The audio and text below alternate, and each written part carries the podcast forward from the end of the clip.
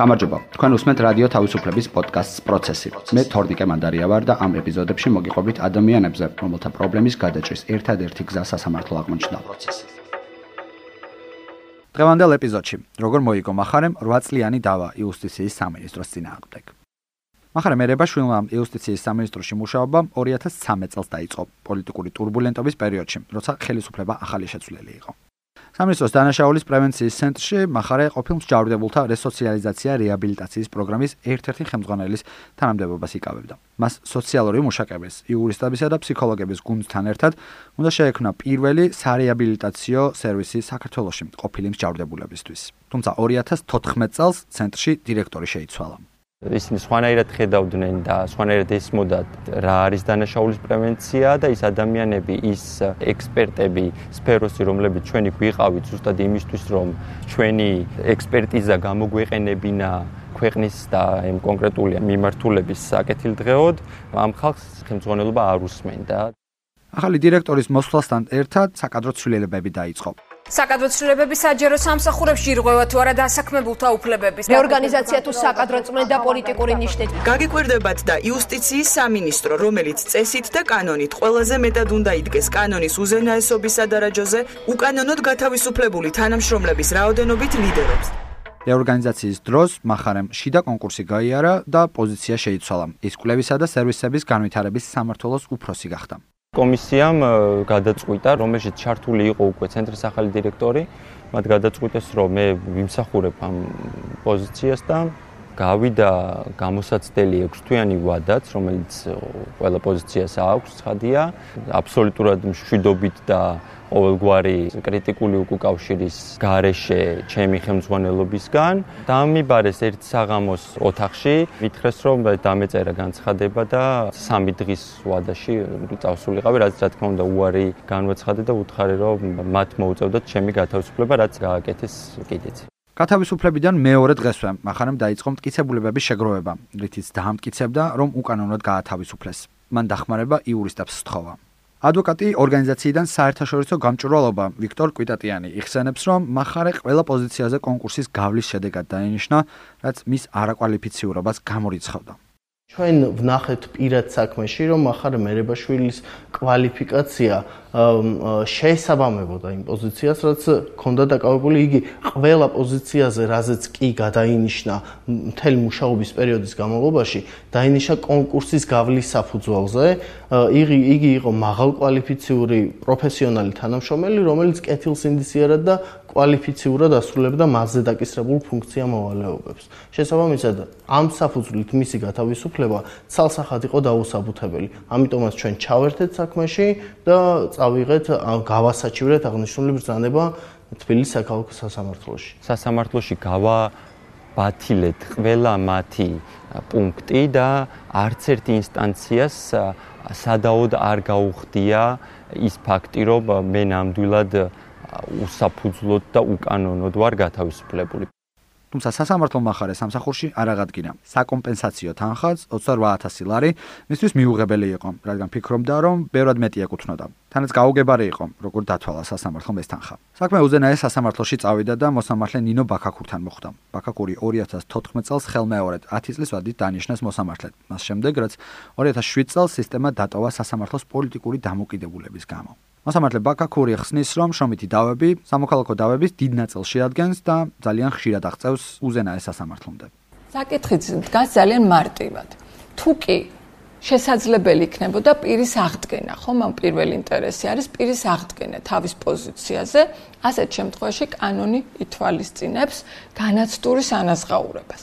განაცდურის ანაზღაურება გულისხმობს, რომ მას უნდა აუნაზღაურდეს მთელი იმ პერიოდის განმავლობაში მიუღებელი ხელფასი, რაც გათავისუფლების დღიდან აღდგენის დღემდეა.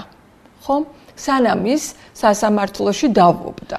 მაგრამ ისეთ შემთხვევაში თუ ეს შეუძლებელია და თანამდებობა აღარ არსებობს, მაგალითად ან ვაკანტური არ არის, დგება საკითხი ზიანის ანაზღაურების. კომპენსაცია თავის თავში უნდა მოიცავდეს როგორც მინიმუმ იმ განაცდურს და ის უნდა იყოს უფრო მეტი ვიდრე განაცდური. პირი არ უნდა აღმოჩნდეს უფრო ცუდ მდგომარეობაში, ვიდრე აღმოჩნდებოდა თუ შესაძლებელი იქნებოდა მისი აღდგენა, ხომ? და ასეთ შემთხვევაში ამ კონკრეტულ საქმეში კომპენსაციის ოდენობა იყოს სრულიად შეუსაბამო იმ ვითარებისა, რომელიც წარმოიშვა იმის გამო, რომ ის თანამდებობაზე ვერ იქნა აღდგენილი.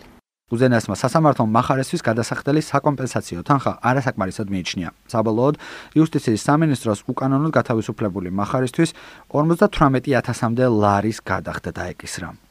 ძალიან ცუდი რამეა, როცა სამსახურს კარგავ, როცა გარკვეული პასუხისგებლობები გააქვს, ვალდებულებები გააქვს, სწავლის საფასური გაქვს გადასახდელი, პირადი საჭიროებები გაქვს და რჩები აბსოლუტურად ყოველგვარი, ასე ვთქვათ, შემოსავლის გარეშე. პროფესიით ვიყავი დასაქმებული, ჩემი პროფესიისთვის ძალიან მნიშვნელოვანი ღირებულებებს ვავრცელებდი და ვეხმარებოდი ძალიან მოწყულად ჯგუფს. თავარი ამბავი რომ აქტი ბათილად არის ცნობილი და მე უკანონოდ ვარ გათავისუფლებული და რომ ეს სასამართლომ სამივე ინსტანციამ თქვა, ჩემთვის ეგ არის ძალიან მნიშვნელოვანი ამბავი დღეს. იმისთვის რომ რაღაც პატარა განცდა მაინც გამიჩნდეს, რომ სამართალი სადღაც ვიპოვე. ინო ბაქაკური, რომელმაც იუსტიციის სამინისტროს წინააღმდეგ საქმე מחარეს სასარგებლოდ გადაწყვიტა, მანამდე ხელისუფლების კრიტიკის სამიზნე გახდა. მას საქმეების ხელოვნურ გაჭიანურებაში ადანაშაულებდნენ. პროსახელისუფლება ტელეკომპანია იმედმა ამ თემაზე რამდენჯერმე მოამზადა სიუჟეტი. უზენაესი სასამართლოს მოსამართლეს ნინო ბაკაკურს მართლმსაჯულების გაჭიანურებაში ადანაშაულებეს. ანომალიური შემთხვევა ასე ქართული ოცნების დეპუტატმა მოსამართლე ბაკაკურის მიერ სავარაუდოდ დაუსრულებელი საქმეების სტატისტიკა შეაფასა. ვერ ხედავ ობიექტურ, ასე ვთქვათ, რაიმე შემაფერხებელ პირობას, რომ მოსამართლემ ასობით საქმე მოკლედ არ განიხილოს და არ დაასრულოს ბოლომდე. ბაკაკური ამბობს, რომ ეს მისი ცხოვრების ერთ-ერთი ყველაზე მძიმე პერიოდი იყო.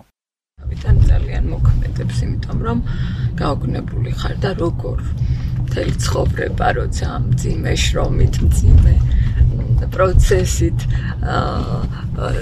წარმატებას მიაღწია და ამ დროს ვიღაცა გეძახის უდისციპლინოს. როცა ვთქვათ, მთელი ცხოვრება ფაქტობრივად სამსახურში გაატარე ხო დილის დილიდან საღამოს 9 საათამდე იქ და პატარა შვილები ყავს და 10 წელმა ისე განვლო რომ ფაქტობრივად ვერც შეიგრძნეს რას ნიშნავს დედასახში და ამ დროს ვიღაც გეძახის უდისციპლინოს ნინო ბაკაკური ხსნის რომ 2019 წლის ბოლოს უზენაეს სასამართლოში მხოლოდ 8 მოსამართლე იყო და წელიწადში თითოეულს დაახლოებით 400 საქმის განხილვა უწევდა. მხოლოდ ბოლო 2 წელია, რაც შედარებით იყო საქმეების რაოდენობა, მას შემდეგ, რაც უზენაეს სასამართლოში კიდევ 20 მოსამართლე დანიშნეს. მიუხედავად იმისა, რომ 28 მოსამართლე არის სასამართლოში, მაინც 100-ზე მეტი საქმე გვაქვს თვითონ მოსამართლეს წარმოებაში. წარმოიდგინეთ ახლა თუ კი მოსამართლე გეუბნებათ, რომ თვეში იხილავ 70 საქმეს.